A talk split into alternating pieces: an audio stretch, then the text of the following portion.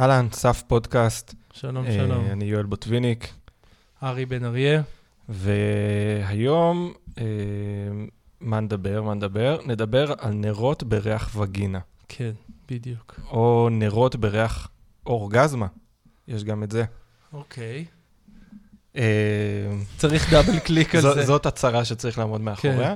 כן, אה, אני חושב שאנחנו ננסה לדבר היום על איך הגענו למקום התרבותי והחברתי שבו נמכרים נרות בריח וגינה, או נרות בריח אורגזמה, לא משנה מה. אה, בוא נגיד נרות בריח אורגזמה כרעיון, כן? כן. לא, לא כמוצר, אנחנו לא עושים פה פרסומת לגווינית פלטרו. אני חושב שהכוונה זה, זה לדבר, לקחת את זה כאיזשהו קצה של תופעה תרבותית מסוימת. כן. כן. שאם נתחיל לחתור, לרדת מה, מהאבסטרקציה, אולי יש כאן איזושהי קצה של הפטישיזציה של מוצרים, אה, שהמטרה שלהם היא להביא לכדי חיים טובים, חיים נכונים. אוקיי, וואו, וואו, וואו, רגע, רגע, וואו, פטישיזציה של. מוצרים, זה, זה, שנייה, שנייה, שנייה, רגע. חייבים להגיד שאנחנו לא, בוא נגיד שמיסיס פלטרו לא, לא, לא חידשה שום דבר, כן? אנחנו, מהמם. ההיסטוריה, לא משנה אם מערבית, מזרחית או כל היסטוריה אחרת, מלאה בתרופות פלא, מוצרים כאלה ואחרים שעשויים מכל מיני דברים מוזרים, מאשכים של סוסים ועד שערות של אה, בתולות שנגזרו אחרי הירח השמיני לחודש whatever. זאת אומרת, זה, זה, לא, זה לא יוצא דופן שאנחנו כחברה נפגשים עם איזשהו מוצר, ש, ש, איזשהו מוצר קצה שעשוי מחומרים אקזוטיים אה, במרכאות, שאמור אה, לשפר לנו את החיים. אבל אני חושב אז שאנחנו מה כן, כן? זהו, אנחנו, כשאנחנו רואים אה, את הפרסומת של הנר בריח וגינה, ואני במקרה עכשיו מול הפרסומת, כאילו, של This smell like my vagina, אה, ואתה קורא את תיאור המוצר, אתה, נצרף אתה את הלינק, אגב, למי שרוצה. זה לא ספונסר שלנו או משהו. כן. ואנחנו גם, אפשר לגמרי לקנות אותו, הכל טוב, כאילו, חבר'ה, בסדר? אה, אבל כאילו כשאתה רואה את זה, למה, למה לפחות אני אה, זע קצת באי נוחות אה, כשאני רואה את זה? ואני חושב, אולי באמת כפתיחה לפרק הזה, ואנחנו כמובן נחזור לנושא הזה אחר כך, שמה שמפריע לנו זה אולי אה, המכירה של הדבר הזה לנו כמוצר פנאי. כן. כמשהו שהוא לא קשור באופן ישיר למחלה ספציפית שיש לנו. יש לך כאב ראש, אה, זה יעזור לך, יש לך כאב שיניים, זה יעזור לך, יש לך אפילו איזושהי בעיה נפשית, זה יעזור לך, כן. איזשהו, איזשהו קמע או משהו כזה, אלא זה, זה, זה משווק כמוצר לחיים. כן. זה, זה משהו שיעזור לעזור לך בחיים. אני חושב שגם מה שמבדיל את זה אולי מבאמת, אתה יודע, הדבר הזה לא חדש באמת. אמ, אבל אולי מה שמבדיל את זה, וגם, זאת אומרת, אם תראו את האתר, תיווכחו לזה, יש כאן סוג של ציווי. יש כאן סוג, סוג של ציווי כן. של היות חדש. זאת אומרת, מה שאנחנו צריכים להיות, אמ, זה, זה עצמי שמטפח את עצמו על ידי מוצרים כאלה.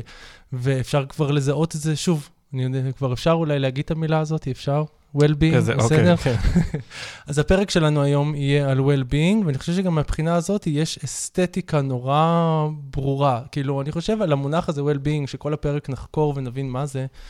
אה, לא יודע מה, כאידיאולוגיה, כ- כתרבות, ננסה להבין מה זה, אבל... ואת- אבל ואת וולנס כמובן, כן. שזה הנגזרת היותר... שמה, שמה? וולנס, שזה כנגזרת יותר אה, מסחרית של... אה, כן, אמרתי של wellness. well-being.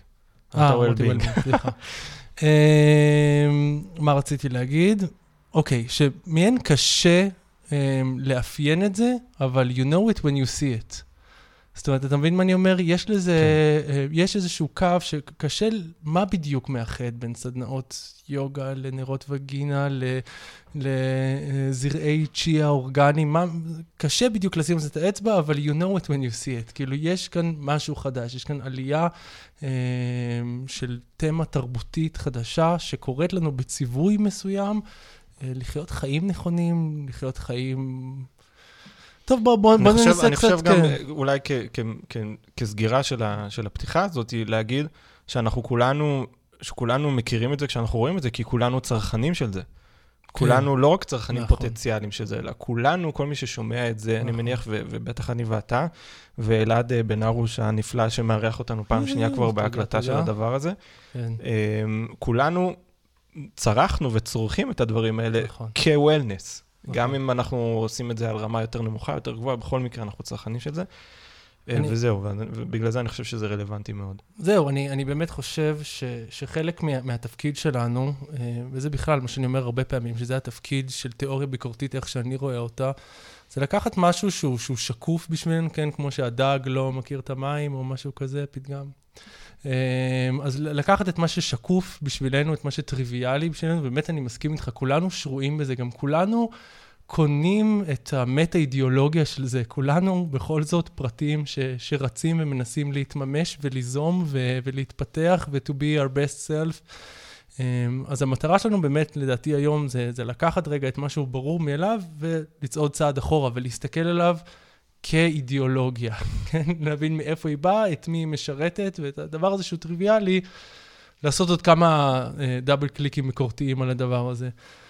כן, אני, אני לא חושב שאולי, שצריך לקחת את זה כמובן מאליו בשלב הזה ש, שוולנס הוא אידיאולוגיה, אבל, אמ, אבל אני חושב שאני מסכים איתך לגמרי זה שכשדבר נמצא בצורה כל כך נוכחת בחיים שלנו, ולא רק כאסטרטגיה שיווקית, אלא כ, כדרך חיים, אז, אה, אז באמת זה, זה צעד בריא, הצעד אחורה הזה הוא צעד בריא, ו, ובסופו של דבר אפשר להבין ממנו רק דברים, אה, נראה לי, נכונים על המצב שלו. אתה רוצה שננסה רגע עוד לאפיין את זה, ואז אני גם אגיד כן. לך למה אני כן חושב שזה אידיאולוגיה. כי, כי אני חושב שזה מה שמנחה אותי לפחות בפודקאסט הזה.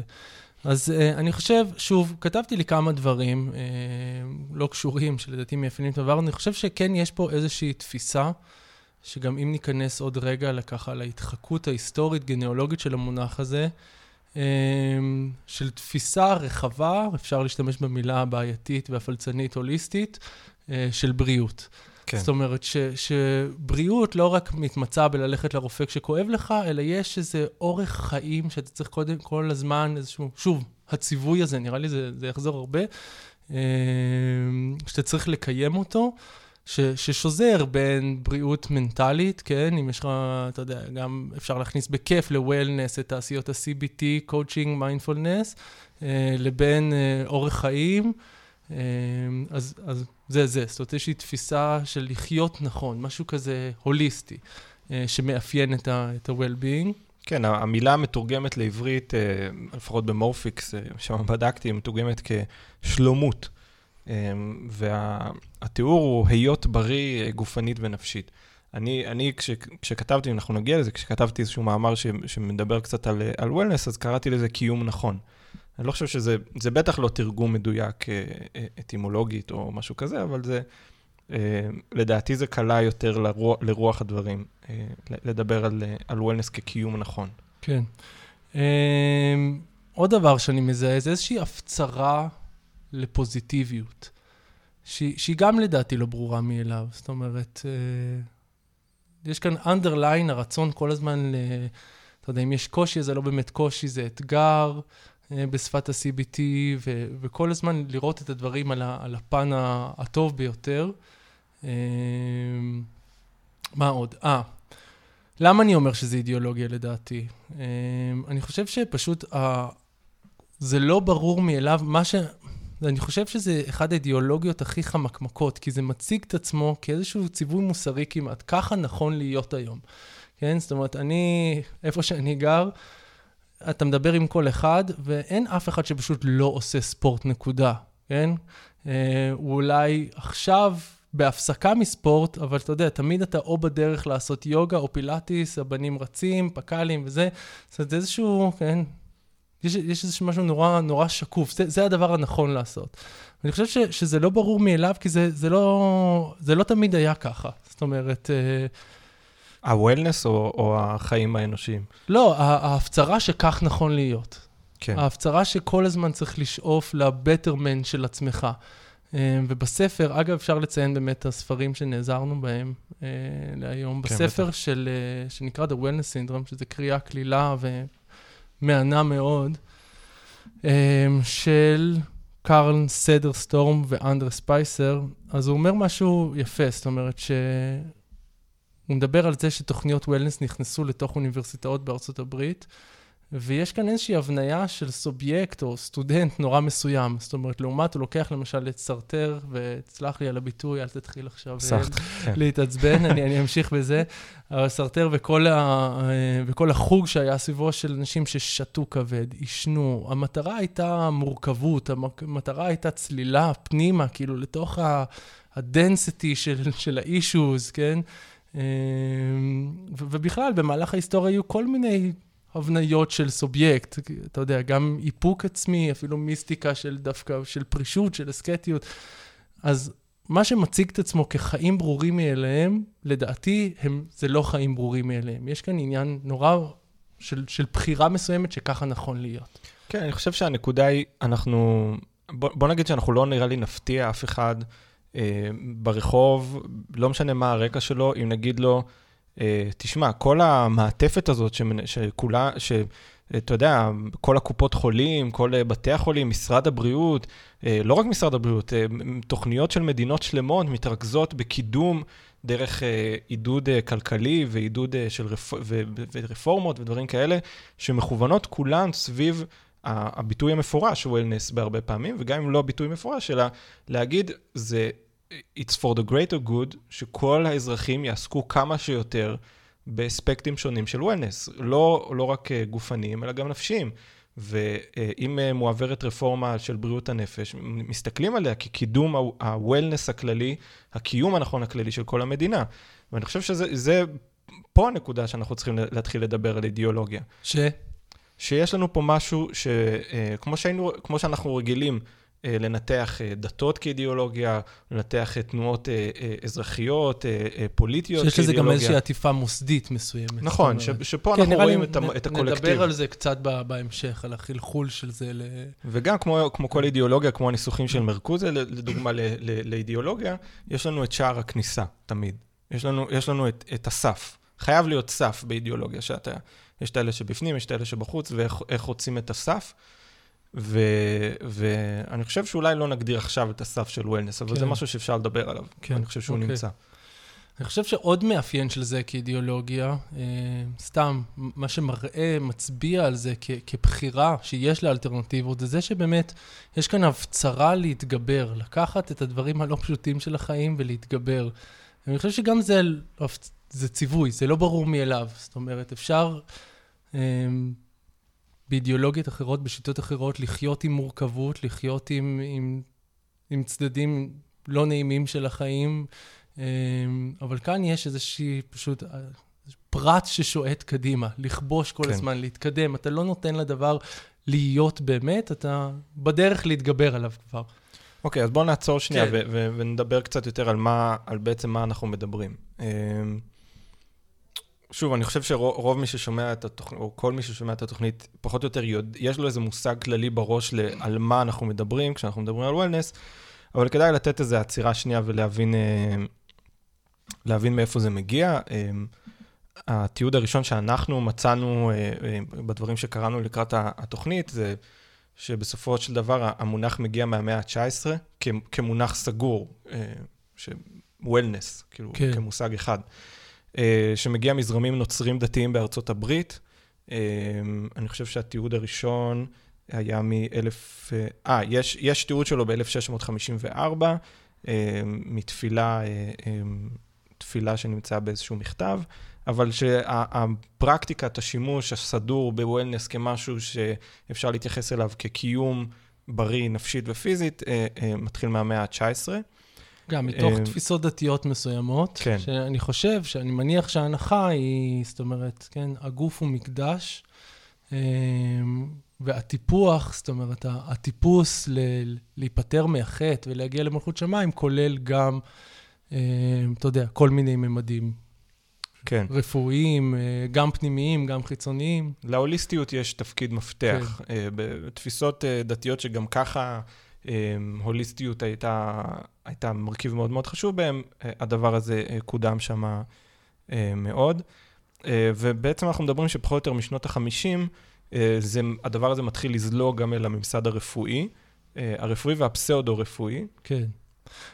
ואני חושב בכלל, זאת אומרת, יש לך איזשהו לאידאה האמריקאית as such, כאילו, זאת אומרת, האידאה הזאת של, של החיים הטובים, של אה, צמוד קרקע, רכב וטרנזיסטור רדיו. אמ, אנחנו מדברים על אותם שנים, אחרי המלחמה, כן, דור כן. הבומרים. שלאט לאט התחילו לצוץ כל מיני, נקרא לזה, אפשר לקרוא לזה שיטות, או מדעיות, או פסדו-מדעיות, אמ, וכל מיני גורואים של, אה, של רפואה, אפשר לקרוא לזה תחילת הרפואה האלטרנטיבית. של בעצם, אה, והוקמו כל מיני בתי הבראה כזאת, של בעצם ללמד אנשים לחיות אורח חיים בריא, הוליסטי. אה, ובמאמר הוא שאחד מהקרייזים האלה של שנות ה-50 היה איזה רופא שהחליט שצריך אה, ללעוס את האוכל נורא נורא לאט. כן. ו- ו- וזה מה שיעזור לך להיפטר ממלא מחלות וזה, אבל, אבל זו דוגמה, כן, מייצגת לכל מיני שיטות כאלה שצמחו בשנים האלה.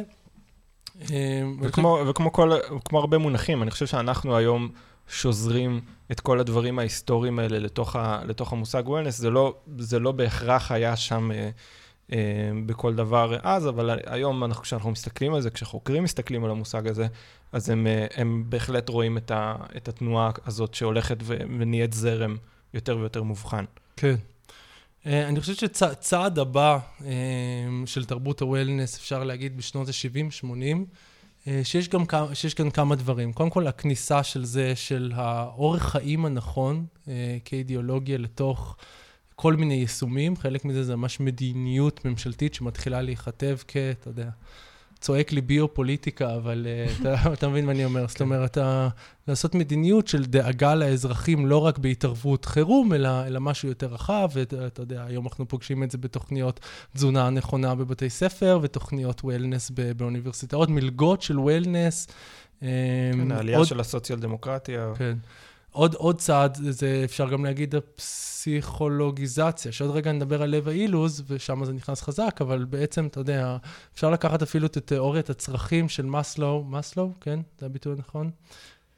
אה, פירמידת הצרכים, גם כאיזושהי פסיכולוגיזציה, זאת אומרת, לאדם יש כל מיני, כל מיני כזה... אה, רובריקות שאותו צריך למלא בשביל לחיות נכון, שזה כולל גם אה, היבטים מנטליים, זה גם תזונה, אמ, זה רק דוגמה אחת מייצגת לכניסה של ה-Wellness, של השיח על Wellness ו-Well-being לתוך שיח פסיכולוגי. כן. אה, שזה ילך ויצבור תאוצה, ועוד רגע נגיע לאווה אילוז. אני חושב גם שחייבים כן. לדבר על ה... לא חייבים לדבר על זה, אבל כדאי להזכיר את הכסף, כן? אה, ה-Wellness מתפתח בארצות הברית של אחרי המלחמה. אה, באולי אחת התקופות היפות ביותר מבחינה כלכלית שארצות הברית ידעה. אמ, ומן הסתם יש איזשהו קשר שאפשר לכתוב עליו איזה דוקטורט מתישהו. כן, כן, שיש איזה, כן, איזה אופוריות אחרי מלחמה וגם איזשהו פנאי כלכלי, ויש פתאום מקום לעסוק ל... לא רק הישרדות, אלא איך חיים שנכון, מה, מהו אידיאל של חיים נכונים, וזה התפנצ'ר אחרי רייגן, אבל בסדר. אמ, ובאמת, כאילו, קשור לגמרי למה שאתה אומר, זה צמיחה של התעשייה. וכאן אנחנו כבר מתחילים להגיע אה, לימינו, וזאת אומרת, אתה יודע, קודם כל, ה... אתה יודע, אם, אם בשנות ה-50-60 יש, אתה פונה למוסדות מסוימים אה, שהם יעזרו לך, אתה לומד, אתה הולך להרצאה של איזה דוקטור מפורסם שבא לעיר, משנות ה-70, 80, 90, נדבר הרבה על הקשר של, של, של האידיאולוגיה הזאת לעוד אידיאולוגיה, שהיא כמובן האידיאולוגיה הניאו-ליברלית, אבל יש כבר איזושהי הפרטה של הדבר הזה על אחריות של הפרט, כן? אה, שהפרט צריך לבחור לחיות נכון. אמ, והוא בוחר לחיות נכון כמובן על ידי תעשייה שלמה שמציעה לו שירותים, שמציעה לו מוצרים, שמציעה לו, זאת אומרת, זה הכניסה של ה-Wellness וה-Well-being אה, לתוך התחום המסחרי על כל הנגזרות בזה, ואני חושב שאנחנו נדבר על זה לא מעט. כן, אז בעצם נראה לי שני הדברים החשובים שאנחנו יוצאים מהם אה, אה, בסקירה הזאת, זה אחד, זה העלייה של ה-Wellness כמושג אה, סגור, כמשהו ש... מתחיל להיות מובחן אולי מדרכי טיפול אחרות, או מ, אה, אה, מהדת אה, מצד שני, וגם הגיבוש של הסובייקט, ה, של, של הסובייקט המודרני, או הפוסט-מודרני, או הסובייקט העכשווי שאנחנו צופים בו מה, מה, מהנקודה שלנו במאה ה-21, אנחנו צופים בו כבר קצת אחורה, אבל אנחנו עדיין רואים את הדברים האלה צומחים בד, בד בבד, דברים שהשפיעו על הגיבוש של, אה, על הקריסטל, איך אומרים לזה? קריסטריליזציה. קריסטליזציה, כן. קריסטליזציה, בדיוק. מישהו קרא כמה ספרים אה, לתזה שלו לאחרונה. זה תרגום מצרפתית כל הזמן. זה... כן. בקיצור, אמ, אנחנו צופים בעצם בתהליך הגיבוש הזה של הסובייקט, אם כחוקרים, אם כאנשים, אם כאומנים, זה לא משנה. אנחנו צופים בתהליכי הגיבוש של הסובייקט הזה ומה השפיע עליהם. אה, המד... המדיה, ההאצה הכלכלית, התרבותית, אנחנו יכולים לגמרי לשים גם את העניין הזה של ה-Wellness כמשהו שהשפיע על, אה, על הדרך שבה הסובייקט שלנו אה, עוצב כן. אז ו- ומוצב היום. אפשר להגיד עוד דבר אחד קטן שאנחנו עוברים, כאילו, כי אם אנחנו מדברים על איזושהי מיני גניאולוגיה של המונח הזה, אז אה, אני חושב שאי אפשר כאילו אה, לשכוח את ההשפעה הברורה של תנועות הנגל של שנות ה-60-70, וכל הדגש שלהם של mind body ותזונה נכונה, והקשר ביניהם. Uh, אני חושב שגם זה, ש- שכאילו הדור הזה, נניח דור הנגל שנות ה-60-70, הם היאפים שבשנות ה-50 לחייהם ימכרו ויקנו נרות וגינה, לדעתי.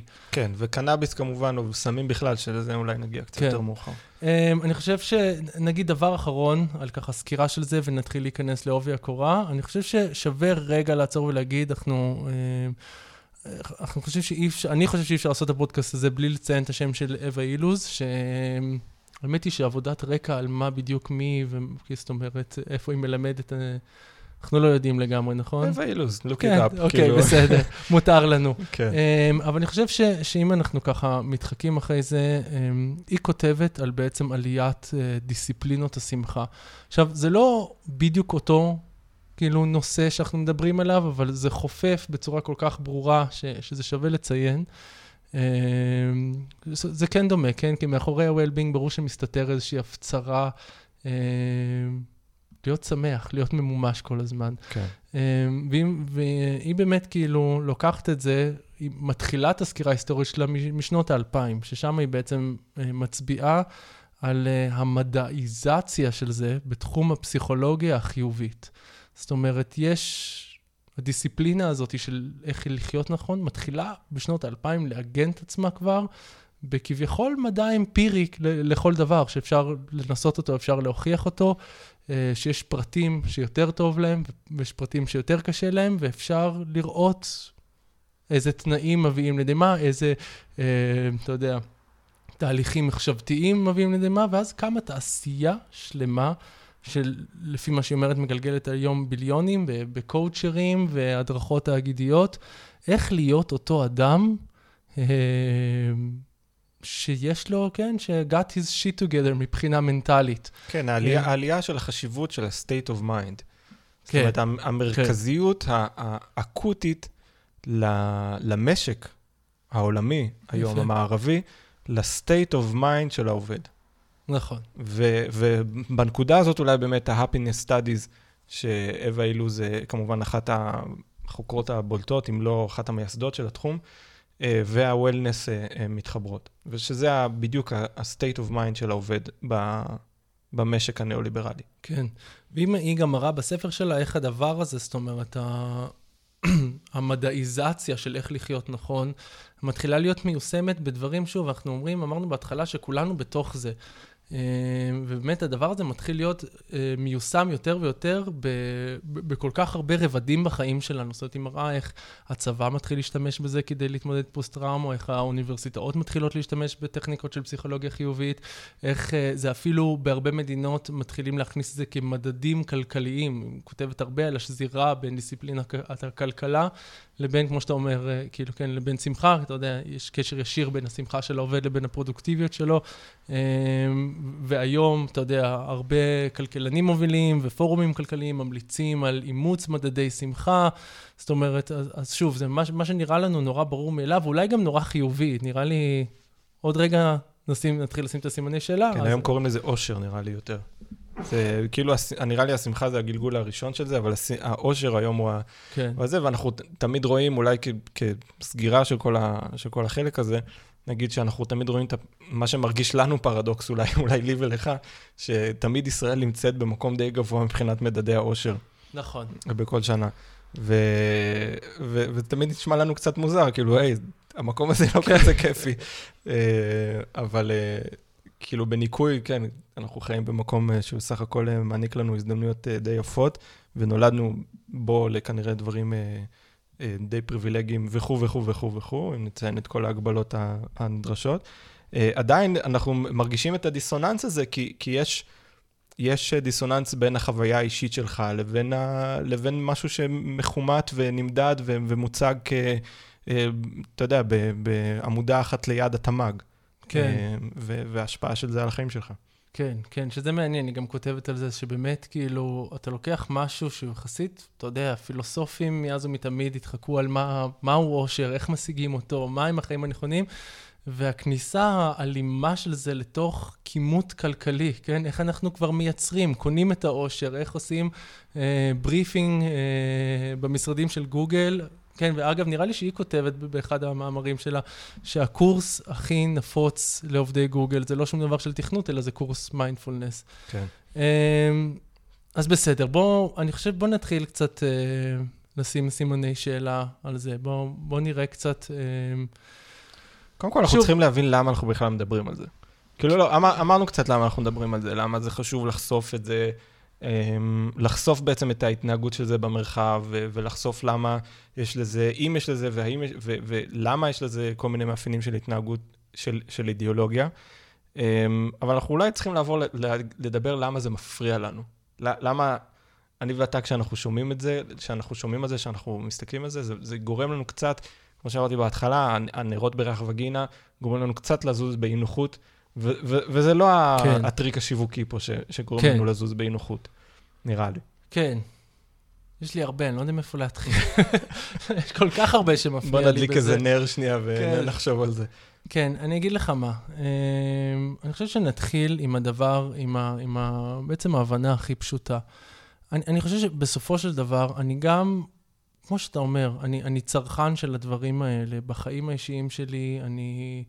אה, רואה את עצמי כמתפתח וכובש ויוזם ומנצח, ואני גם, שוב, אה, בדיוק דיברנו על זה, על הסל קניות שלי בסופר וממה הוא מורכב, אבל אני הצרכן של זירי צ'יה and so on, אה, וטופו אורגנית. אז אני חושב שכאילו פר סה, אין בעיה עם זה, כן? זאת אומרת, ו... אבל אני כן חושב שזה מאשרר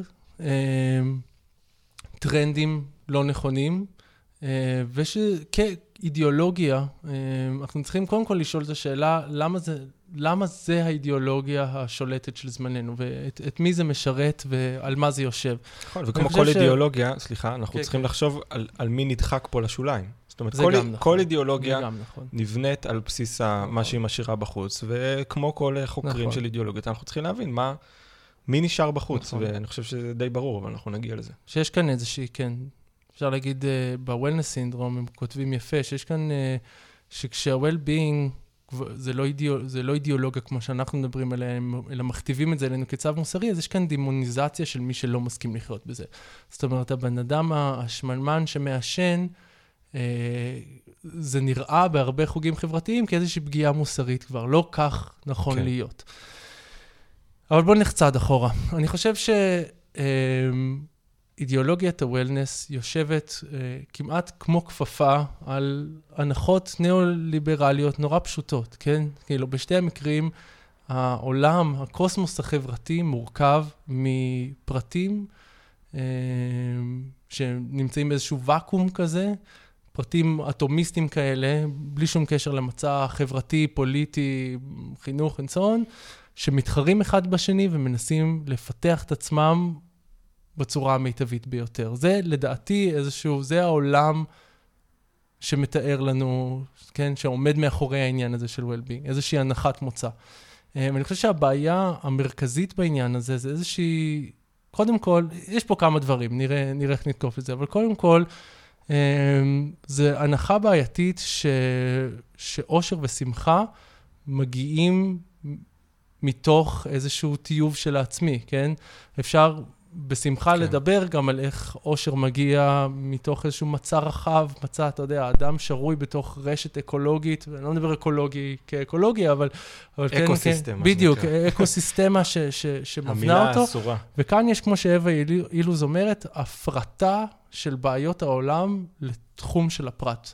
אם יש בעיה, אמ, הפתרון שלה יימצא בתחום הגישה הפנימית, אני צריך ללכת לעבוד על הגישה שלי, אני כאילו, אם יש לחץ בעבודה, אם יש אה, דיכאון, חרדה, שהם תוצרים של, אתה יודע, תנאי הכלכלה וזה, אז אני, אני, אידיאולוגיית ה-Wellness מפצירה בי לטפל בי, לא לטפל שם בחוץ.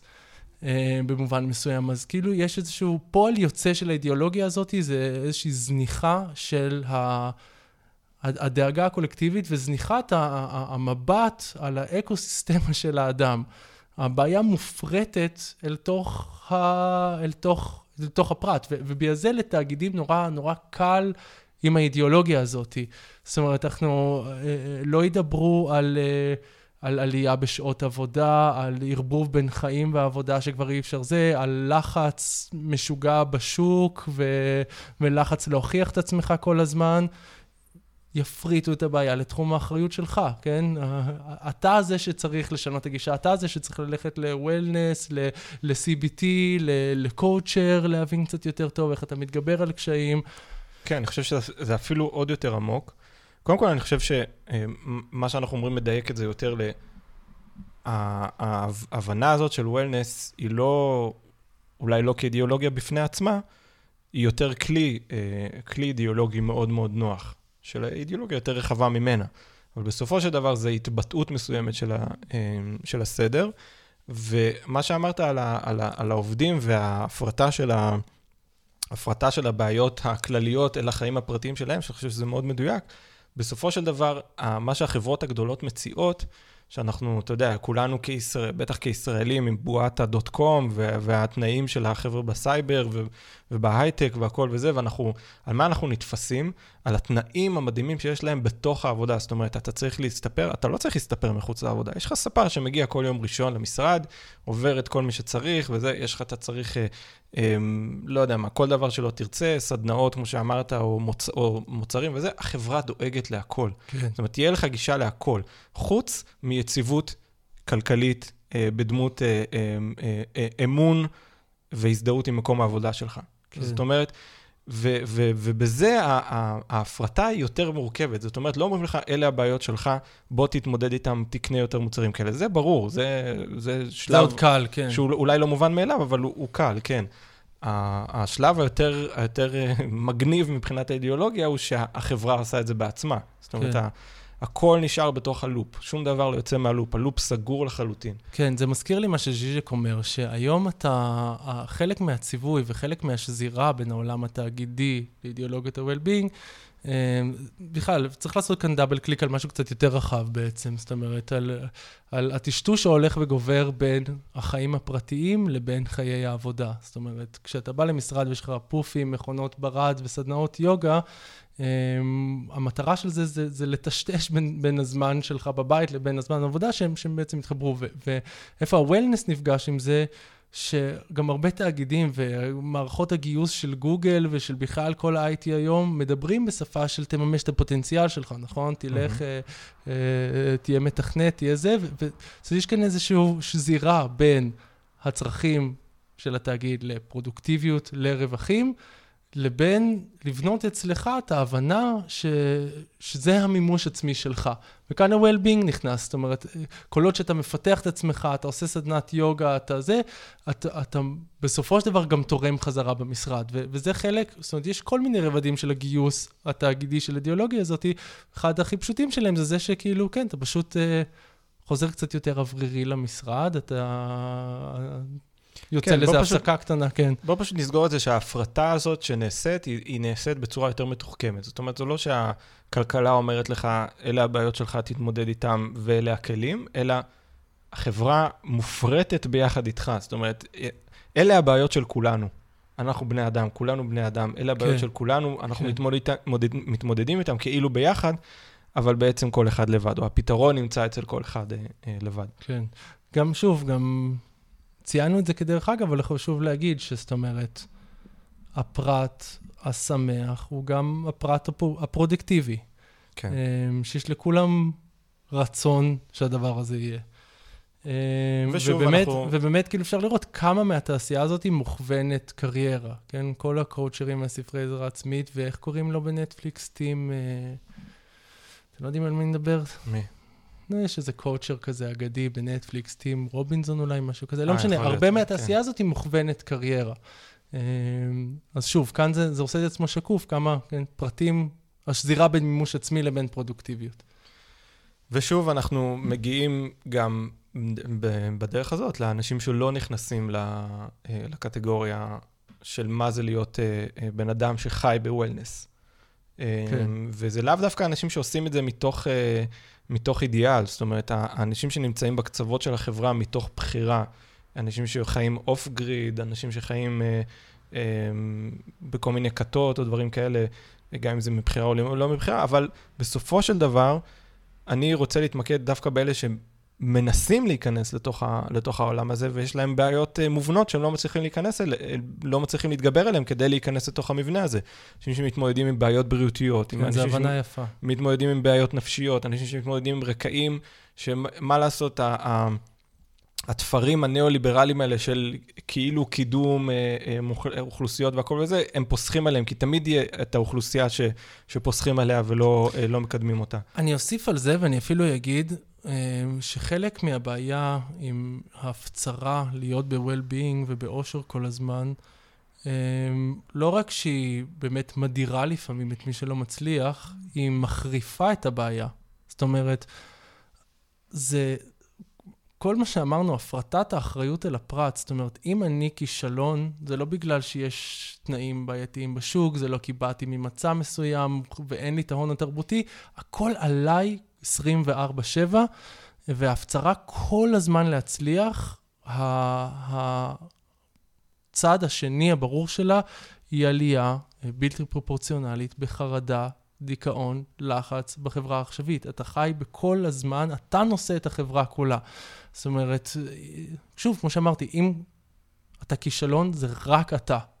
אה, ו... כן. זאת אומרת, זה לא רק שזה מדיר, זה גם עושה לפעמים בדיוק את ההפך. ואני חושב שאפשר אה, כחבר'ה בני 30 ש... ש... שחיים את הפרדיגמה הזאת, כולנו יכולים להגיד שאנחנו מרגישים את זה. זאת אומרת, הציווי להיות כל הזמן, להיות טוב, לנצח, אה, והאידיאל של הזה שניצח, הזה שבסוף הגיע לטופ והוא כן, אה, אתה יודע, חבר המחזור שלנו והוא כבר CEO בטיזן אמו וזה אה, מכניס, נראה לי, את כולנו כל הזמן לעימות, ללחץ, לחרדה. כן, אני חושב, אני חושב שלדעתי בנקודה הזאת, אם, אם אתה חושב שזה בסדר לדבר בנקודה הזאת על מדיה, אני חושב שזה... זהו, אולי- זה, זהו, בדיוק באתי להגיד שזה בדיוק אה, מביא אותנו לספר שאני לא יודע לבטא את השם של הסופר שלו. אה, אה, כן, זה ספר אה, שאני חייב להמליץ עליו, כי אני מאוד מאוד אוהב אותו. הוגה שאני מאוד מאוד אוהב, קוראים לו חירט לובינק, מתוך המעצמה הבלתי ניתנת להסבר על ה... באמת, המספר הבלתי פרופורציונלי של הולנדים שמתעסקים בחקר מדיה, ולספר קוראים Design, אה, On Platform Nihilism. אה, וזה ספר אה, שיצא ממש לפני כמה חודשים והוא מעולה. עכשיו, הוא לא, הוא לא מדבר באופן אה, ישיר על וולנס לדעתי כל הספר, אבל הוא כן מעמיד את התזה שלדעתי מאוד מעניינת. כאילו, אנחנו נמצאים, אה, לא יודע, חודש אחרי שנטפליקס הוציאו את הסרט על, אה, על אה, כמה רשתות חברתיות זה דבר נורא ו- וממכר והכל וזה, אז הוא יוצא משפה הרבה יותר, אה, הרבה יותר חכמה לדעתי, כשהוא מדבר על הפלטפורמה, על הפלטפורמות השונות של הרשתות החברתיות, החברתיות כמשהו שמשרה עצבות. הוא לא מדבר על דיכאון, הוא לא מדבר על זה, הוא מדבר על התחושה הזאת שאתה גללת בפיד שלך, גללת, גללת, גללת, גללת, גללת, אתה שנייה נתקף באיזה התקף כזה של גועל מעצמך, זורק את הטלפון הצידה, כי היית כבר איזה 20 דקות על איזה משהו חסר משמעות בפיד, ואתה לא מבין איך נהיית הבן אדם הזה וכולי וכולי וכולי, ואז שתי דקות אחר כך אתה כבר לוקח את הטלפון כדי לבדוק משהו שהוא לגמרי לא קשור, אבל אתה עוד פעם ב-20 דקות האלה. ואני חושב שאחד הדברים המעניינים שהוא אומר בספר הזה, זה שנהיינו במאה ה-21 חברה שמה שאנחנו נשאלים על ידי הפלטפורמות האלה של הרשתות החברתיות, הוא לא מה אנחנו חושבים, אלא מה אנחנו עושים. זאת אומרת, פעם גם הספרות, גם המערבית וגם המזרחית התעסקו במשך כל ההיסטוריה במה אנשים חושבים. על מה הם חושבים, גם אם זה היה ספרות אה, פילוסופית או עיונית, ובטח גם אם זה היה ספרות אה, אה, פרוזאית, שירית, כל הדברים האלה, אנשים התעסקו במחשבות שלהם, בדברים שהם חושבים. ובמאה, והוא מתעכב על זה שהמשפט, המשפט של טוויטר זה, זה מה, אתה, מה אתה עושה.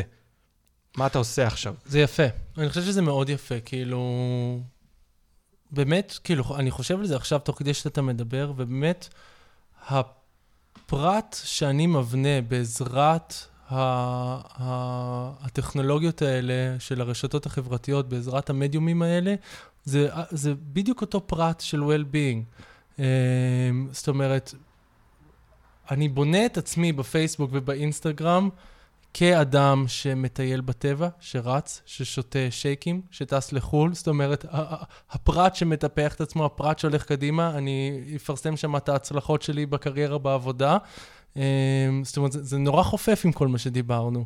אמ, וכמו שאתה אומר, והדבר הזה בעיצוב שלו, גורם להרגיש חרא לאנשים אחרים. זאת אומרת, אתה כל הזמן מול המוצלחות הזאת.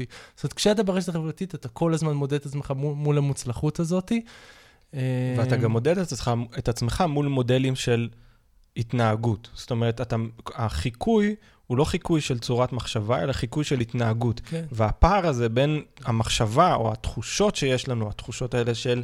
של, אה, כמו שאתה אומר, חרדה מאוד מאוד גדולה, ודיכאונות, ועלייה מטורפת בשיעורים של המחלות הנפשיות והכל, ושל החרדות הכלליות, מול המודל ההתנהגות הזה שאנחנו מרגישים צורך כל כך אה, אה, דוחף לחקות אותו בכל אקט שלנו, בכל רשת חברתית אה, שקיימת היום. ושנייה, דבר אחרון שאני אגיד, שזה מאוד מזכיר לי את מה ש... תובנה מאוד בסיסית של, אה, של אה, פול ויריליו, אה, ש, שמהספר, נראה לי היחיד שלו שתורגם לעברית, אה, המרחב הביקורתי, שהנהירה של האנשים למרחב, אז לא היה אינטרנט, לכל הידוע לי, אבל המרחב הזה שמיוצג על ידי מסכים, שקיים במסכים, הוא מזהה את אותו תהליך שהבני האדם עברו במהפכה העשייתית מהשדה החקלאי אל העיר והכפר, אנחנו עוברים מהערים אל המרחב הזה של המסך. והדברים האלה, למרחב של המסך, להתנהגות של המסך, יש השפעה דרמטית כמובן בהמון המון תחומים, אבל לדעתי גם בעלייה של הוולנס. כן.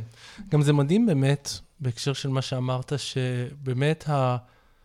הצדדים שבי, שלא מרכינים ראש לאידיאולוגיה הזאת, כמעט ולא התבטאו בפייסבוק, נכון? זאת אומרת, הבאמת חרא לא יצא שם.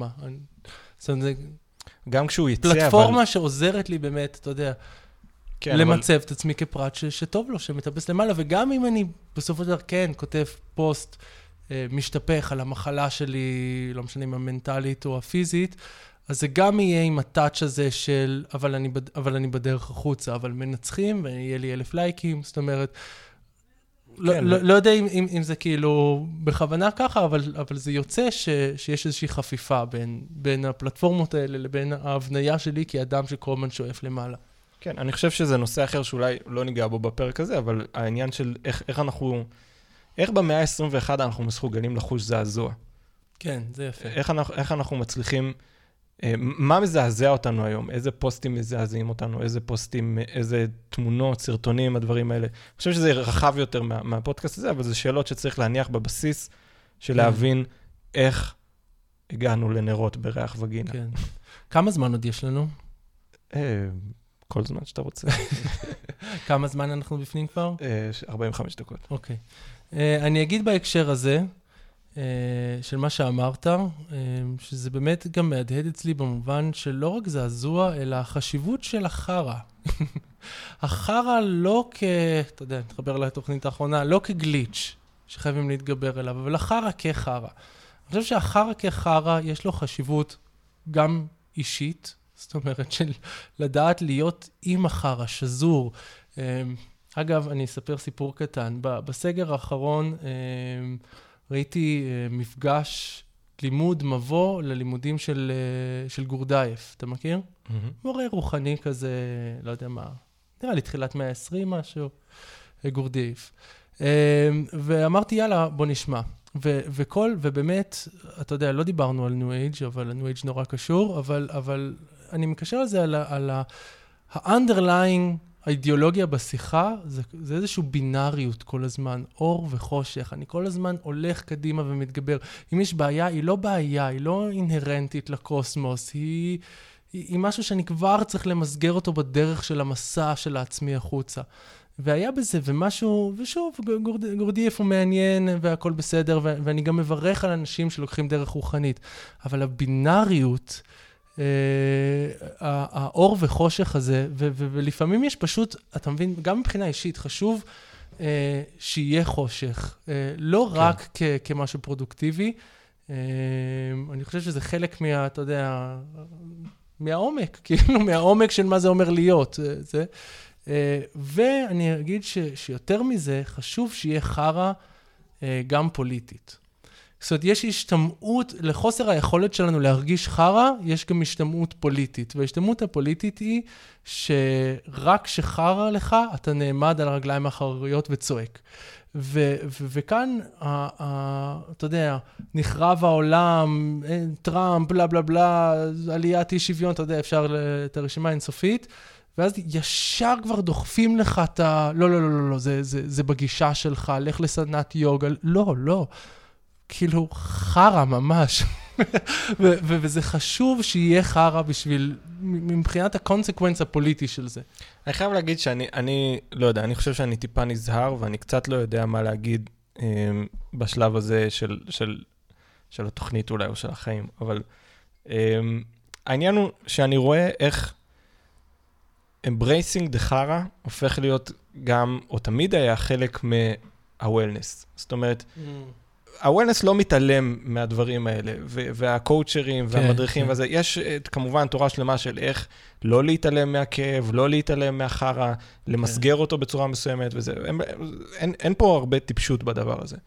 ולכן אני, בשלב הזה אני לא יודע להגיד, אם אנחנו מחליטים שיש... אה, אה, יש באמת צידוק לנסות להילחם במובן מסוים בווילנס, ואני חושב שכן, כי אני חושב שאם אתה, אתה חושב שיש בעיה בסדר שבו אנחנו חיים היום, אתה חייב להניח שיש גם בעיה בזרועות שלו, ווילנס היא לגמרי זרוע. כן. ו- ואני חושב שיש לגמרי עניין להביע איזושהי התנגדות אה, אישית לדבר הזה, אבל אני באמת לא יודע איך. אני באמת לא יודע כן. איך, כי... זה מין, זה, זה כמו פסיכואנליזה, אין, אין איך לברוח מזה. אני, אני אגיד לך מה, אני חושב שאווה אילוז בסופו של דבר חותמת את הספר שלה עם דבר נורא יפה, שנורא, שנורא התחברתי אליו. כמו שכאילו אמרתי בתחילת הפודקאסט, uh, wellness as such, אין לי בעיה איתו, ואני צרכן שלו. אמ, אבל אני חושב שכל מה שאמרנו, זאת אומרת, הגיוס הניאו-ליברלי של זה, שתורם לאיזושהי אשליה של אינדיבידואלים שרק רוצים להתפתח ולמרוץ אינסופי, ש, שלפעמים תהיה בצד המפסיד שלו. אגב, זה עוד משהו שלא אמרנו, ש, שהציווי הזה הרבה פעמים לא מתממש.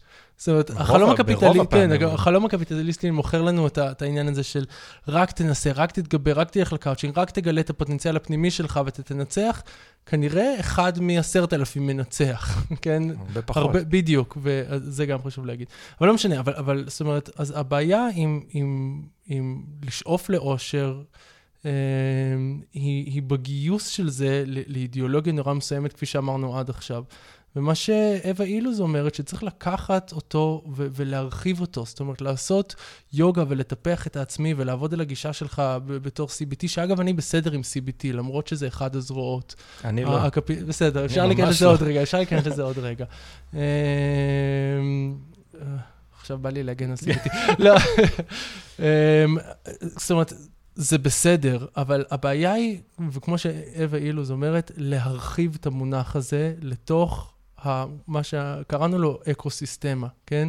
איך, וזה לדעתי מה שכל ההגות ש, שאנחנו קוראים עושה, כן? כאילו, ממרק פישר לפרנקו ברארדי, מה, מה הבעיות באקו-סיסטמה? מה, מה הבעיות המערכתיות, המבניות שמביאות לכדי מה שקורה היום? וזה חייב להיות חלק מהאושר שלי. אני חייב להגדיר את האושר שלי כשאיפה לא רק לפרט נכון יותר, אלא למצע לאקו-סיסטמה נכונה יותר, שבסופו של דבר תצמיח פרטים נכונים יותר. אז אני חושב ש, ש, ש, ש, ששוב, אמ, מה שהיא אומרת יפה, להרחיב את תפיסת העושר למשהו יותר רחב, שכולל, שכולל גם חשיבה ביקורתית, שכולל ניסיון לטייב את המצע הכללי שאנחנו יושבים עליו, אה, זה לדעתי פתרון כן, יכול, יכול להיות שלא נצא מפה באמת עם איזושהי מסקנה של מה כדאי לעשות, ואני מניח שלא נצא, אבל אני חושב ש... מה, מה, ש, מה שאני יוצא ממנו זה עם התחושה הדי דחופה להילחם באפתיות שהדבר הזה משרה על כן. העולם שלנו, על, על איזשהו, איזשהו, סוג, איזשהו סוג של אפתיות, של סימום, של... אה, אני נזהר גם להשתמש במילה סימום, אחרי כל ההזניה קצת של המילה הזאת עם הרשתות החברתיות, אבל בסופו של דבר יש כאן איזו באמת מערכת ש, שמעדיפה לראות אותך, כמו שאתה אומר, מוכוון לעבר סוג מסוים של עושר, ואנחנו יכולים בהחלט לראות מטרה בלנסות לפתוח סוגים שונים של עושר בפני אנשים. אה, ואני לא באמת אסיים את התוכנית הזאת בלי להרים לעצמי ולמאמר שכתבתי על, על אה, קנאביס ווולנס, אבל uh, אני, אני חושב שזה מת, מתלבש פה יפה בדיוק, בדיוק גם על הסוף, כי מה שכתבתי הוא שעם הלגליזציה, ואנחנו באמת היום, או השבוע התבשרנו שהצעדים האחרונים ללגליזציה בישראל כבר, כבר בפתח, שהלגליזציה של קנאביס והבוטיקיות שהיא גרמה, זאת אומרת, הבוטיקיות, אנחנו רגילים היום, אנחנו, שאולי אני ואתה, שגדלנו ב, עדיין בעידן שבו וויד היה לגמרי לא חוקי ו, ונתפס כחומר אה, מדרדר, שער לח, לסמים אה, מסוכנים והכול, אה, ופתאום, ממש בחמש שנים, אנחנו רואים שינוי מוחלט. בתפיסה של הדבר הזה, ברמה שיש לנו היום אה, חנויות שמתעסקות בלהפריד את החומר הזה למרכיבים יותר ויותר ויותר קטנים, שכל אחד מהם אה, אה, מתוכנן כדי לה, להשיג אפקט מאוד מאוד מסוים על מצב הרוח שלך, על אה, רמת הפרודוקטיביות שלך, על התחושה שאתה רוצה להרגיש כרגע, והדבר הזה בעצם ממחיש בצורה נהדרת וחזקה מאוד את הפעולה הכל כך אלימה של ה-wellness בשירות הניאו-ליברליזם. כן. כן. ו- והשאלה שאתה נשאר איתו בסוף זה מה עושים. הרי אם אתה רוצה להמשיך לעשן וויד, וזה, ואנחנו לא מעודדים את זה, אבל לא, לא מעודדים את זה, זאת, זאת הבחירה המוחלטת שלך או, או שלך לעשן וויד, איך אני היום מעשן וויד בלי, בלי להיות חלק מזה? איך אני קונה את זה, איך אני צורך את זה, איך אני מעשן את זה בצורה שהיא לא נכנסת לתוך כן. המעגל כולל הקול הזה של... של ה-Wellness. כי ה-Wellness תמיד יוכל להסתכל, אוקיי, אתה נרגע עם כן. ג'וינט בסוף יום העבודה, מעולה. מחר אתה תוכל לקום, להיות יותר רענן, יותר פרש לבוס שלך, הכל טוב. אז איך אני מעשן היום בצורה כן, שהיא לא כזאת? כן, אני חושב שמה שאתה אומר זה יפה. זאת אומרת, יש כאן משהו ש... שלא כל כך נגענו בו, אבל, אבל ה-Wellness כתעשייה, יש לה איזו יכולת סופחת כזאת. זאת אומרת, כמו שאתה אומר, אין פשוט רק סתם לעשן וויד, אין סתם ללכת לטייל בהר, אין סתם להפות לחם. הכל נכנס דרך התעשייה הזאת של פיתוח העצמי האינסופי לעוד דבר שאתה עושה to, to better yourself, ועם כל האסתטיקה מסביב לזה.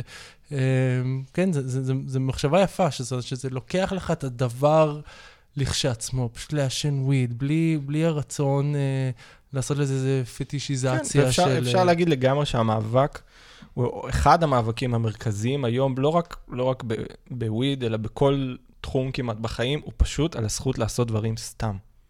הוא פשוט על, לא יודע, לא לעשות משהו, או לעשות משהו סתם בלי שזה יתפרש, בלי שזה ייכנס לתוך, אה, אה, לתוך מערכת אה, הפרשנות של ה-wellness לצורך העניין במקרה הזה, אבל באמת על, על, ה, על היכולת לחיות את החיים שלך סתם.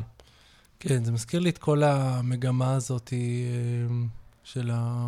איך זה נקרא? תז, אוטונומוזונס של חכים ביי, אה, של כאילו, ש, שההתנגדות היא, היא לא למטרה של, היא פשוט מרחבים של אוטונומיה שאתה, שאתה חוטף בכוח, של אזורים שהם לא תחת שיח מסוים, שהם לא תחת, אני הולך מכאן ומגיע לשם.